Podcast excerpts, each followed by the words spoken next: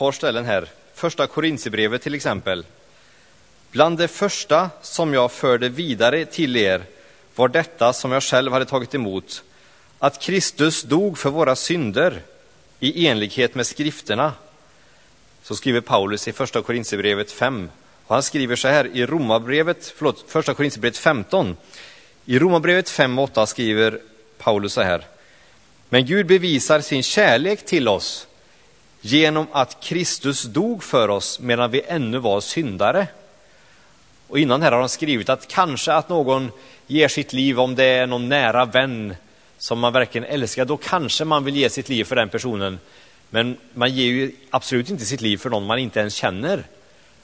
Och här skriver han att, att Gud, han bevisar sin kärlek till oss genom att Kristus dog för oss medan vi fortfarande var syndare.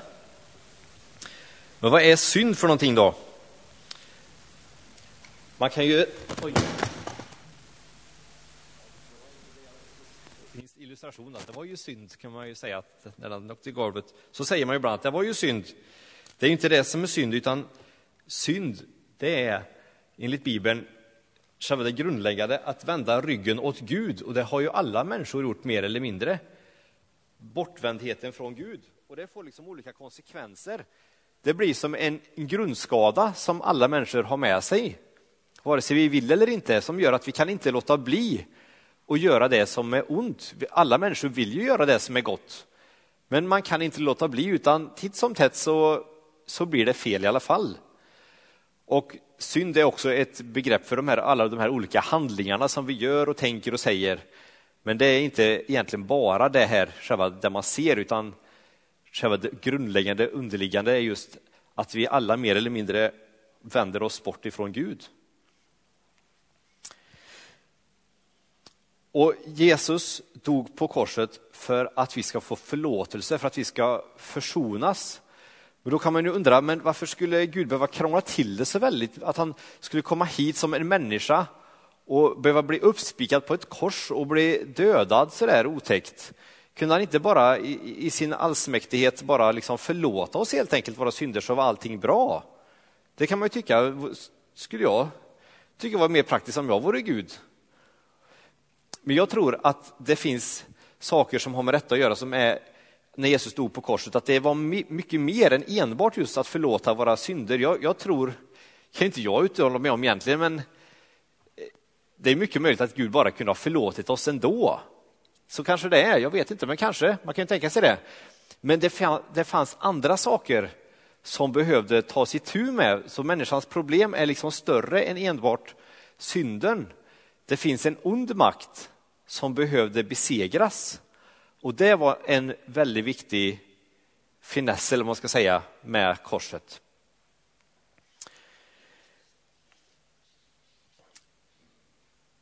Det finns en berättelse som eh, jag tycker målar upp detta väldigt bra, vad det var som kan, kanske hände ungefär. Det finns många olika bilder som försöker förklara vad det var som hände på korset.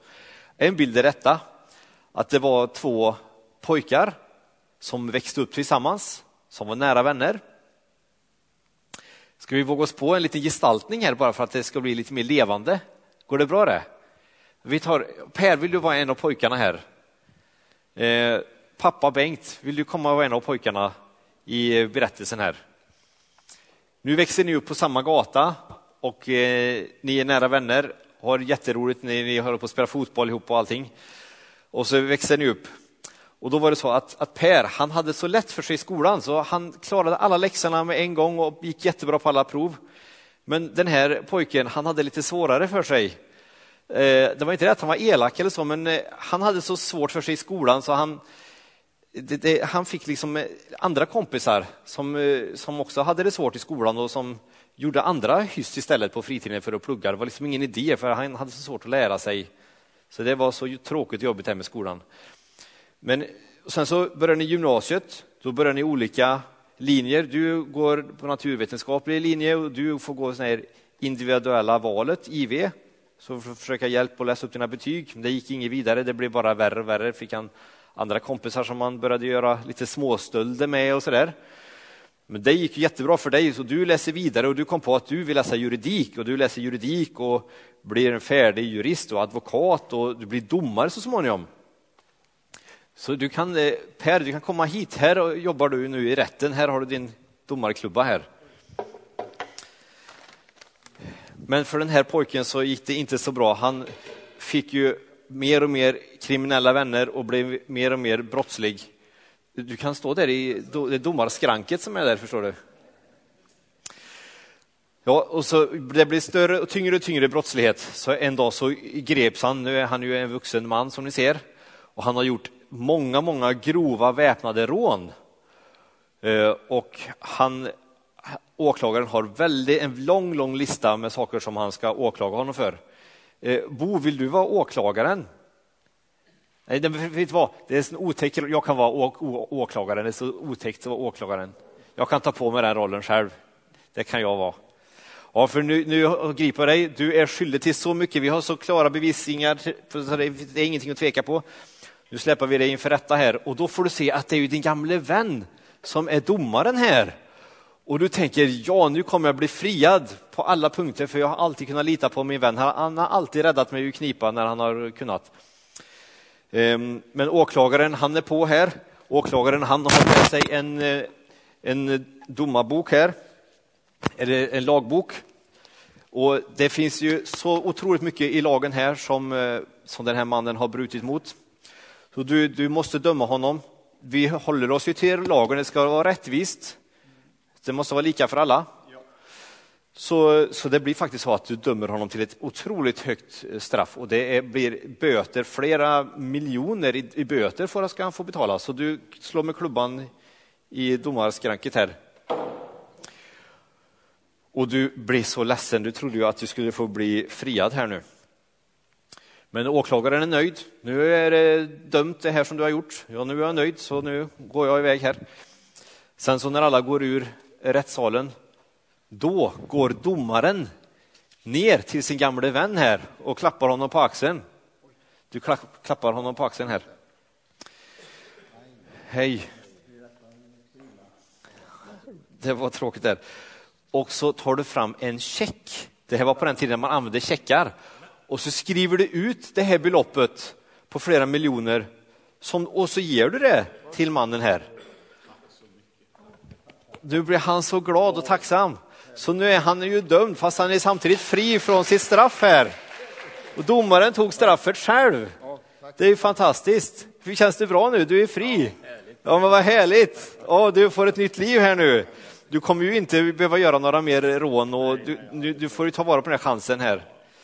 Nu är du förlåten. Ja, vad gött, vad fantastiskt. Ja, varsågoda och sitt. Ja, vi... Tack, jättebra.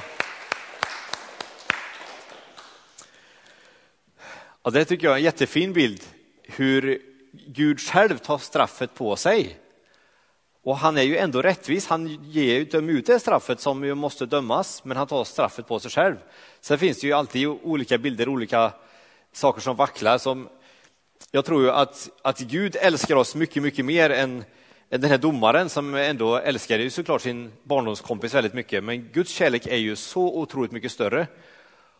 Och för Gud var det inte så lättvindigt att bara skriva ut en check här på några miljoner, utan han fick ju komma till jorden och bli dödad själv. Det var ett otroligt högt straff, ett högt pris som han fick betala för att vi ska få bli fria. Och det vi har fått av Gud är inte bara en check på några miljoner för att vi ska bli fria, utan det är ju förlåtelse för allt som vi har gjort och kommer att göra och ett liv tillsammans med Gud och att Gud vill bo i våra hjärtan. Så det är ju ännu bättre än vad det var i dramat här i verkligheten. Verkligheten överträffar dikten eller vad är det man brukar säga.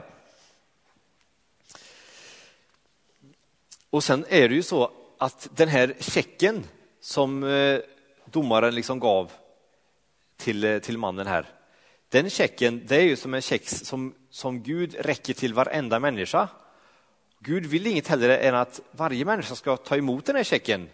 Ingen ska behöva ta liksom, konsekvenserna av sina handlingar. Och det behöver vi inte göra, för de konsekvenserna har redan Gud tagit på sig själv. Så det är en check som Gud räcker till varje människa, som vi, är, vi har en möjlighet att ta emot den. Men man kan ju undra här, åklagaren här, det var det jag sa att det var lite otäckt att vara åklagaren Bo. För vet du vem åklagaren är i det här dramat? Åklagaren är ju liksom djävulen. Jag tänkte du ska inte behöva komma hit och, och få vara djävulen, så jag tänkte det är bättre att jag tar på mig den rollen. Man kan ju tycka att det var lite konstigt. Varför gick Gud liksom djävulen, om man säger så, till mötes och sa att ja, vi, vi får hålla oss till, till rätten. Det, människornas eh, onda handlingar, det måste ju få konsekvenser. Vi måste ju, det måste ju få sitt straff såklart. Verkar det som att Gud sa ungefär.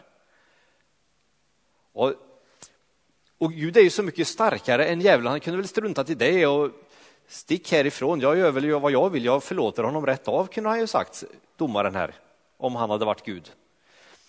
Eh, men det är här som jag tänker att Gud, han, har nog, han hade nog en väldigt smart plan som var större än enbart förlåtelse.